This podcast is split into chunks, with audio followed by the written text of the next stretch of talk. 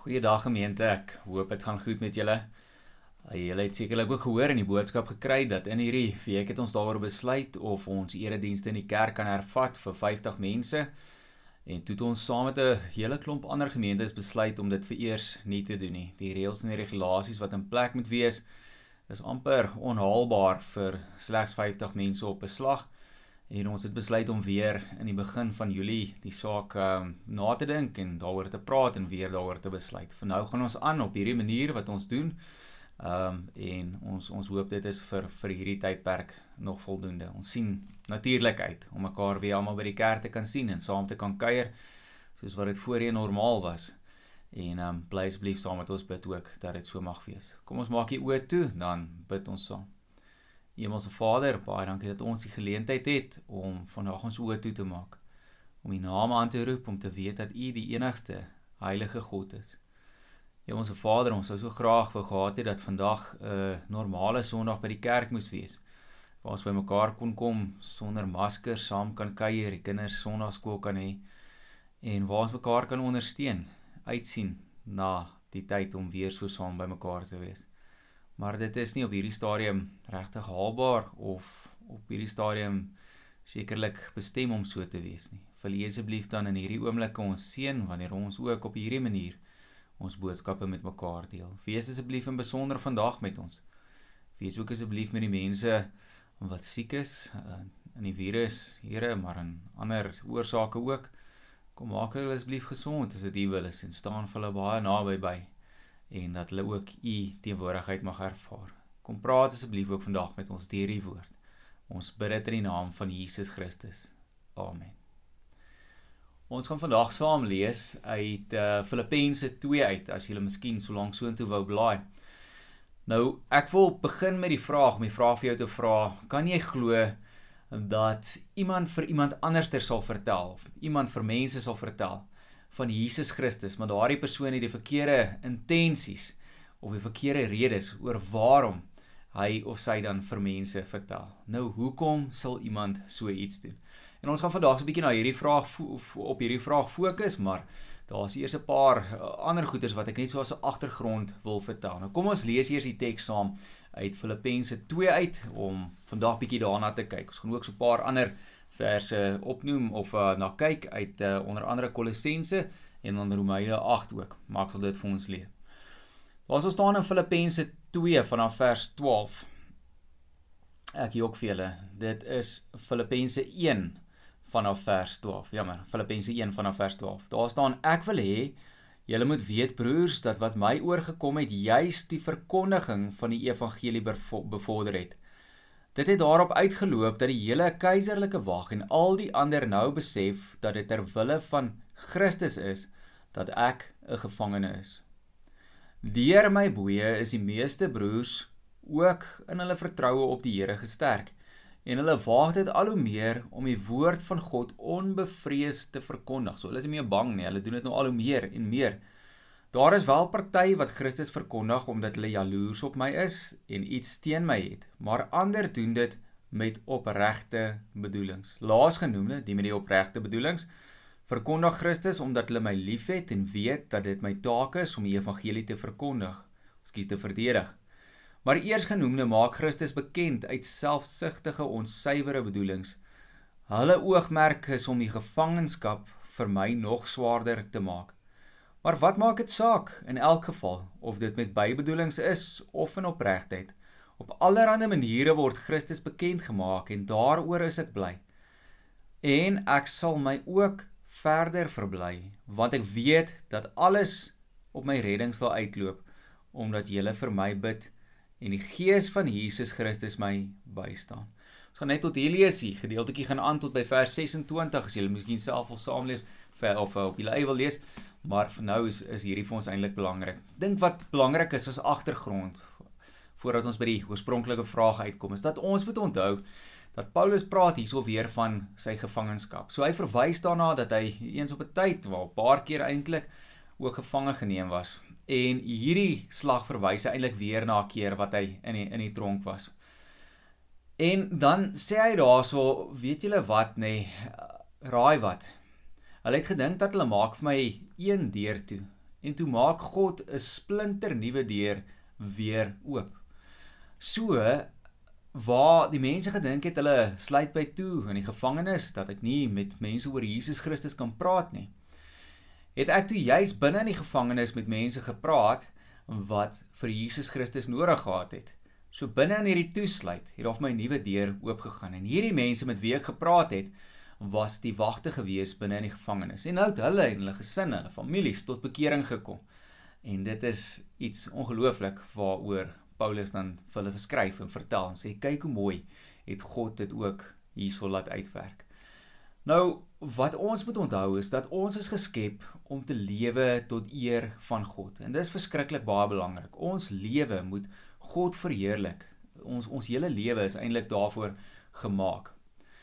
En dit is 'n moeilike idee om binne in ons koppe partykeer vas te vang, want wanneer dit goed gaan met ons, dan is dit maklik vir ons, moontlik ook om te te voel dat ons lewe is tot eer en verheerliking van God. Maar die oomblik wanneer dit sleg gaan, dan voel ons lewe partykeer soos 'n mislukking en voel ons moedeloos en voel ons nie dat dit noodwendig regtig waar tot eer van God is nie. So dis 'n ander uitdagende situasie. Maar in Kolossense ehm um, lees ons die volgende versie in Kolossense 1 vers 16. Dan staan daar alles is deur hom en vir hom geskep. Met ander woorde ons, elkeen van ons is deur God, maar ook vir God geskep. En Louis Giglio praat oor hierdie spesifieke versie um, in, in 'n videoetjie wat ek gekyk het in hierdie week. En dit het my net opnuut eintlik laat besef maar maar God het elkeen van ons geskep deur hom is ons geskep. Of was die rede hoekom ons geskop geskep is? Ons is geskep vir God om tot eer en verheerliking van hom te leef. Dat ons lewens tot eer en verheerliking van hom mag wees En daarom moet ons in al die omstandighede wat ons leef, in die goeie en in die slegte omstandighede tot eer en verheerliking van God lees. O, o, of leef dan ten minste. Nou raai wat? Is ook 'n verskriklike lekker besef eintlik binne in mens. En dit is dat wanneer mens eintlik besef dat elke keer wanneer ons leef of iets doen of selfs wanneer ons partykeer deur moeilike omstandighede ehm uh, beweeg en leef in ons lewe wanneer ons besef dat God daardeur verheerlik is dan is dit eintlik 'n verskriklike mooi besef en gevoel binne in ons lewens. En dit klink miskien vreemd op 'n manier maar kom ek verduidelik dit dalk op 'n ander manier En dit is sê nou maar dat in ons eie lewe doen ons baie opoffering vir ons vir ons kinders. So jy's bereid om van jou finansies af te staan om vir jou kind te stuur vir kom ons noem dit maar sportlesse of afrigting iewers op 'n spesifieke plek. Dit kos dat jy soms ver moet ry vir byeenkomste dat jou kind kan gaan gaan deelneem daaroor. Dit kos partykeer spesiale klere, ehm um, en partykeer kos dit eenvoudig nie geld nie of finansies van jou af nie, maar dit kos jou tyd wanneer jy iets anderster sou kon doen wat jy graag vir jouself wou doen. Maar nou sit jy hierdie tyd in jou kind in. En dit is 'n moeilike balans, maar mens moet dit besluit om dit ook vir jou kind te doen. En en waar kom kom ons mekaar tegemoet met dit alles? Maar wat is nou die uiteinde van die storie? En dit is om te sien hoe baie jou, jou kind dit in die eerste plek geniet. Al is dit selfs net die afrigting of af en toe by einkoms. En as dit natuurlik lekker is om te sien dat jou kind plukkie vrugte van dit alles en dat dit goed gaan. Of miskien selfs as daar 'n wonderlike oomblik is waar jou kind vir 'n spesiale span gekies word. Dan op die einde van die dag voel dit vir ons alles wat ons opgeoffer het, alles wat vir ons miskien soos 'n klein bietjie moeite gevoel het op 'n stadium, is uit en uit die moeite werd want jy sien die geluk daarin in jou kind. En dis presies dieselfde met God. Wanneer ons ons lewe op so 'n manier leef dat ons besef selfs in die moeilike omstandighede wat ons partykeer deurgaan, is dit op die ouene van die dag tot God se eer word sy naam daardeur groot gemaak. sien mense vir God se liefde in ons lewe dalk raak oor die manier ons die situasie hanteer. Dan besef ons dit was die moeite werd gewees en is dit vir ons lekker ook om dit raak te sien in ons lewens. Nou wat ek miskien so terloops ook wil sê is dat As mens dink aan moeilike omstandighede in ons lewe, dan bedoel dit nie noodwendig dat mens nou in die tronk opgesluit moet word nie of dat jy 'n jaar lank of meer moet swaar kry in jou lewe nie. Glad nie daardie dinge nie. Ek wens dit natuurlik ook nie vir een van ons toe nie. Eerder geluk en voorspoed en dat ons kan lag en dat dit goed gaan. Maar ek dink dit sluit ook oomblikke wanneer dit uitdagend is in mense lewe. Miskien selfs een oomblik in die dag of iewerster waar mens maar net 'n bietjie uitdagende week het of 'n situasie wat wat soms uitdagend is dan moet ons ook vra Here laat ook hierdie situasies tot u eer wees. Natuurlik klink dit vir ons moeilik asof dit nie so kan wees nie, maar gaan dit nou so klein bietjie verder verduidelik. So wat sê Paulus eintlik dan nou indirek hierso in Filippense 2? En hy sê selfs al gaan dit uitdagend met my of selfs al gaan dit partykeer sleg, God kan hierdie situasie gebruik tot sy voordeel. God kan dit gebruik dat dit op die ouene van die dag tot sy eer is en dat dit tot sy verheerliking ook mag wees. En dit klink verskriklik mooi, maar dit is nie altyd lekker vir ons as ons in daardie situasie is nie. Maar ek reken dit is wat dit beteken om ten volle vir God te leef en om ons lewe ten volle vir God te gee en te sê Here ek.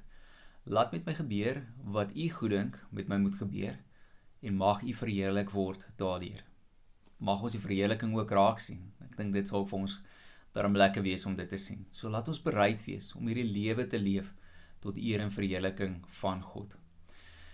En ek dink die vraag vir ons is is ek en jy op daardie plek in ons lewe waar ons sê ons is bereid om toe te laat dat God dit met ons lewens laat gebeur. So is jy bereid? Want Paulus het gesê, Here, ek is bereid. Laat dit met my gebeur. So met hierdie bereidheid in gedagte vra Paulus ook dieselfde vraag eintlik of vra ek weer die vraag wil ek amper sê kan jy glo dat daar mense is wat vir ander mense van Jesus Christus vertel maar hulle het die verkeerde intensies of die verkeerde redes agter dit dit alles. En waarom sal mense dit enigsins doen? Nou hoofsaaklik is daar twee redes. In hierdie teks wat ons gelees het verwys Paulus ook so klein bietjie daarna en um, kom dit ook daar uit. As, as mens nou weer kyk na hier hierdie teks daarso by vers 15 16 rond as mens in daai gedeeltes gaan gaan lees. Nou nou die eerste rede hoekom mense dit sal doen is om bietjie petrol op die vuur te gooi. Jy ken daai uitdrukking. So dit is wanneer iemand nou klaar in die moeilikheid is dan soort van gooi hulle nog petrol op die vuur. Sit nog sê goeters by om die situasie erger te laat lyk like sodat dit nog meer ondraaglik is vir daai persoon. En wat het gebeur hierso is dat dat Paulus was nou 'n gevangene gewees. En hy het geweet dat die Joodse leiers soek hom eintlik om hom of dood te maak of om hom dan ten minste vir hom en vir die ander gelowiges wat oor Jesus Christus praat om hulle vir altyd op te laat sluit. Hulle soek rede daarvoor sodat hulle op die einde van die dag nie meer oor Jesus kan praat nie. En nou is daar mense wat gesê het hoor as ons nou net nog meer oor Jesus praat, hierdie situasie so bietjie aanhits en erger maak, dan gaan dit nog meer ondraaglik wees vir vir Paulus, nog erger wees. So kom ons praat oor Jesus juis om die Joodse leiers meer en meer kwaad te maak. En dit was die eerste rede hoekom hulle dit eintlik dan gedoen het. Die tweede rede is ook 'n rede wat ons, ek dink in vandag se tyd nog steeds baie kry. En daar's 'n woordjie wat mense noem selfverheffing. So party mense praat oor Jesus Christus, maar nie met die doel dat dit oor God of oor Jesus Christus self gaan nie, maar die doel dat dit eintlik oor oor hulle gaan. So hulle wil hê ander mense moet kan sê, kyk hoe oulik praat hierdie persoon oor Jesus Christus. Kyk hoe oulik is hulle en hoe mooi kan hulle praat en hoe mooi kan hulle die boodskap oordra. Hulle is darem hierdie fantastiese persone. En dis wat hulle graag wil hê. Dit gaan eerder oor hulle self as oor Jesus Christus op die ouene van die dag. Hulle wil net hê mense moet mooi praat oor hulle. amper daarin van Isak sien my tog raak asseblief. Nou gewoonlik sal ons kwaad raak vir sulke mense wat die verkeerde intensies het om so oor God eintlik dan te te praat. Miskien sal ons self sê dat dit God godslasterlik is en dat dit ehm um, dan ons nou heeltemal 'n verkeerde rede is oor hoekom dit te doen. Maar hoor mooi wat sê Paulus in vers 18 as ons die gedeelte daarso lees. Dan sê dit: "Maar wat maak dit saak? In elk geval of dit met bybedoelings is of in opregtheid op allerlei maniere word Christus bekend gemaak en daaroor is ek bly. So Paulus sê, man, moenie bekommerd wees nie. Moenie julle steur aan die mense wat dit met die verkeerde intensies of verkeerde redes doen nie. Die punt is hulle praat oor Jesus en die boodskap van Jesus bereik mense en God sal op die einde van die dag toelaat dat dit ook dan tot sy voordeel is, tot sy verheerliking is. So Paulus se houding is gaan aan, laat hulle praat daaroor. God sal hierdie situasie ook gebruik want mense hoor van Jesus en dit is dis die belangrike, dis die kruks van die saak op die einde van die dag. Nou natuurlik sal jy vir my die vraag kan vra as mense dan nou met die verkeerde intensies oor God praat, gaan dit nie op die einde van die dag dan nou skade doen en verkeerd uitkom by by mense nie. En ek dink as menslik gesproke as mense sal ons sê ja, dit is so. En daarom sou mens nie wou hê dat hulle so oor God of oor Jesus moet praat nie. Maar hoor mooi wat staan in Romeine 8. En in Romeine 8 wil ek net gou eers vers 18 lees, maar ons ons kom eintlik by 'n verdere gedeelte uit om om ons om nou bietjie te verduidelik. Maar in Romeine 8 vanaf vers 18 staan daar ek is daarvan oortuig dat die lyding wat ons nou moet verduur nie opweeg teen die heerlikheid wat God vir ons in die toekoms sal laat aanbreek nie. So met ander woorde, Paulus praat ook hierso van sy lyding wat hy nou besig is om te verduur, hy en ander gelowiges. En hoekom ek dit vertel is dit dit is eintlik soort van die die dieselfde situasie waarna hy is wanneer hy skryf in uh, in Filippense. Wel waarskynlik min of meer dieselfde tydperk ook eintlik gewees. So hy het maar baie lyding deurgegaan ook as as eintlik net as Jesus se diens dienskneg. Maar dan sê hy maar dit dit weeg eintlik nie op teen die heerlikheid wat vir ons eendag in die toekoms sal wag nie. So natuurlik eendag in die hemel gaan dan nie meer hierdie swaar kry en hierdie lyding en hierdie gemors om net wees wat daar vir hulle was nie. Maar daar gaan beter dinge wees. Maar vir nou moet ons hierdie boodskap verkondig. Maar dan verder in hierdie teks, uh daar by Romeine 8 vers 28 in dieselfde gedeelte onder dieselfde selfe opskrif, lees ons hierdie versie raak. En hoor mooi wat sê dit. Dit sê ons weet dat God alles ten goeie laat meewerk vir die wat hom liefhet. Ons weet dat God alles ten goeie laat meewerk vir die wat hom liefhet. En ek wonder hoeveel keer het jy hierdie versie al gekry van mense af en hoeveel keer het jy dit miskien aangestuur vir mense, ek ook. Met die idee om te sê, man, God sal vir ons alles mooi laat uitwerk. Moenie bekommerd wees nie, God het vir jou 'n mooi plan, hy sal jou seën, dit gaan alles baie mooi vir jou uitwerk. En vir die eerste keer in my lewe, toe ek hierdie teks lees, in die lig van die groter boodskap vandag, toe besef ek iets oor hierdie teks. Wanneer daar staan dat God so alles ten goeie laat meewerk vir die wat hom liefhet, gaan dit nie noodwendig oor ons eie situasie dat God net vir ons sal seën en sal sorg dat dit in my lewe die heeltyd goed gaan nie. Maar dit gaan eintlik oor hierdie situasies wat Paulus ook in Filippense 2 na verwys om te sê wanneer daar moeilike omstandighede is of uitdagings of lyding En wanneer daar mense is byvoorbeeld wat wat praat met die verkeerde intensies, verkeerde redes oor Jesus Christus, dan sal God ook hierdie situasies gebruik en dit ten goeie laat meewerk saam met die mense vir wie hy baie lief is, dat dit ook tot eer en verheerliking van hom mag wees. As mens die hele gedeeltjie mooi gaan lees, dan kom jy agter maar wat dis eintlik waaroor dit gaan. Dit gaan daaroor dat dit tot eer en verheerliking van God sal wees. En daarom kan God enige situasie gebruik en dit ten goeie laat meewerk. Wil ek amper sê in die eerste plek vir hom, maar natuurlik ook vir die mense vir wie hy lief is en die wat vir hom lief is. Eintlik dis wat dit staan, die die wat vir hom liefhet. So as Paulus in Filippense 2 vertel van mense wat die verkeerde intensies het en oor met die verkeerde redes eintlik oor Jesus Christus praat. En ons vra die vraag of doen dit nie skade aan dan nie. Dan het ek gesê menslik gesproke is dit so ja, dit sou skade doen as mense so oor Jesus praat. Maar die ongelooflike is dat Paulus eintlik sê nee. Kyk bietjie wat doen God. Nie wat mense kan doen nie, maar God is almagtig. Hy is nie 'n mens nie, hy's 'n lewende God. En kyk wat doen hy, hoe gebruik hy hierdie situasie wat mense eintlik sleg bedoel en hoe laat hy dit ten goeie meewerk vir die wat hom liefhet tot sy eer en ook tot sy verheerliking. God sal hierdie situasies laat kom omdraai en dit sal ten goeie meewerk ook vir die mense wat wat hom liefhet. So moenie bekommerd wees oor die mense met die verkeerde intensies nie. Wees eerder bekommerd of die boodskap verkondig word en wees eerder bekommerd of jy julle lewe leef tot eer en verheerliking van God. En hoe kan God dit dan doen? Hoe kan God dit doen? Wel, hy is God, het ek reeds gesê, maar deur sy Heilige Gees kon gebruik hierdie situasies en kan verander hy dit. En is die wonderlike dat God dit kan doen. So menslik maak dit eenvoudig nie sin nie.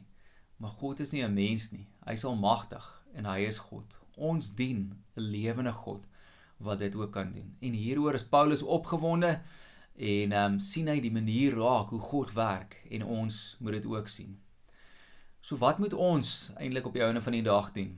In die eerste plek, ons moet bereid wees om alles wat ons doen en deur alles wat in ons lewe gebeur, selfs deur die moeilike en die uitdagende situasies in ons lewens, dat dit tot eer en verheerliking van God mag wees. Dit is die eerste wat ons bereid moet wees. Die tweede is natuurlik dat ons 'n gesant van God moet wees, gestuurde in hierdie wêreld soos Paulus. Moenie bekommerd wees nie. God sal alles ten goeie laat meewerk vir die wat hom liefhet en op die ouene van die dag sal dit tot eer en verheerliking van hom mag wees. Kom ons bid saam. Hemelse Vader, dankie dat ons weet en kan hoor dat alles wat in ons lewe gebeur tot eer en verheerliking van U mag wees. Maak asseblief vir ons bereid, want partykeer is dit moeilik. Ons hou nie van uitdagende situasies nie. Of vandag besef ons eintlik net opnuut. Alles is deur U gemaak en alles is vir U gemaak. En dis hoe ons lewens moet wees. 'n Lewe wat vir U sal wees ten volle, omdat U ons gemaak het juis om vir U te leef. En is 'n mooi, besondere wete daai. Dis natuurlik uitdagend ook, maar dankie dat ons dit kan hoor en help ons asseblief om dit te besef en help ons in besonder om in elke uitdagende situasie van ons lewe ook die eer en die verheerliking wat dit bring tot U raak te sien en dat ons so opgewonde weer kan raak ook daaroor. Dat ons ook dan kan sê saam met Paulus Here dankie vir uitdagende situasies waar U dit weer op joune van die dag vir ons hooplik om beter maak ten goeie laat meewerk maar dankie dat dit tot eer en verheerliking van U mag wees Hemelse Vader, sien ons asseblief deur hierdie dag en hierdie week wat vir ons voorlê. Hou vir ons vas en natuurlik wil ons bid en vra dat dit met ons sal goed gaan, dat U vir ons sal beskerm en dat U vir ons sal seën. Maar meer is dit alles dat ons lewens altyd tot eer en verheerliking van U mag wees. Ons bid dit in die naam van Jesus Christus die Here. Amen. Mag jy ook in hierdie week die Here se seën en sy nabyheid beleef en weet dat hy by jou is. En mag jy 'n baie mooi week hê. Totsiens.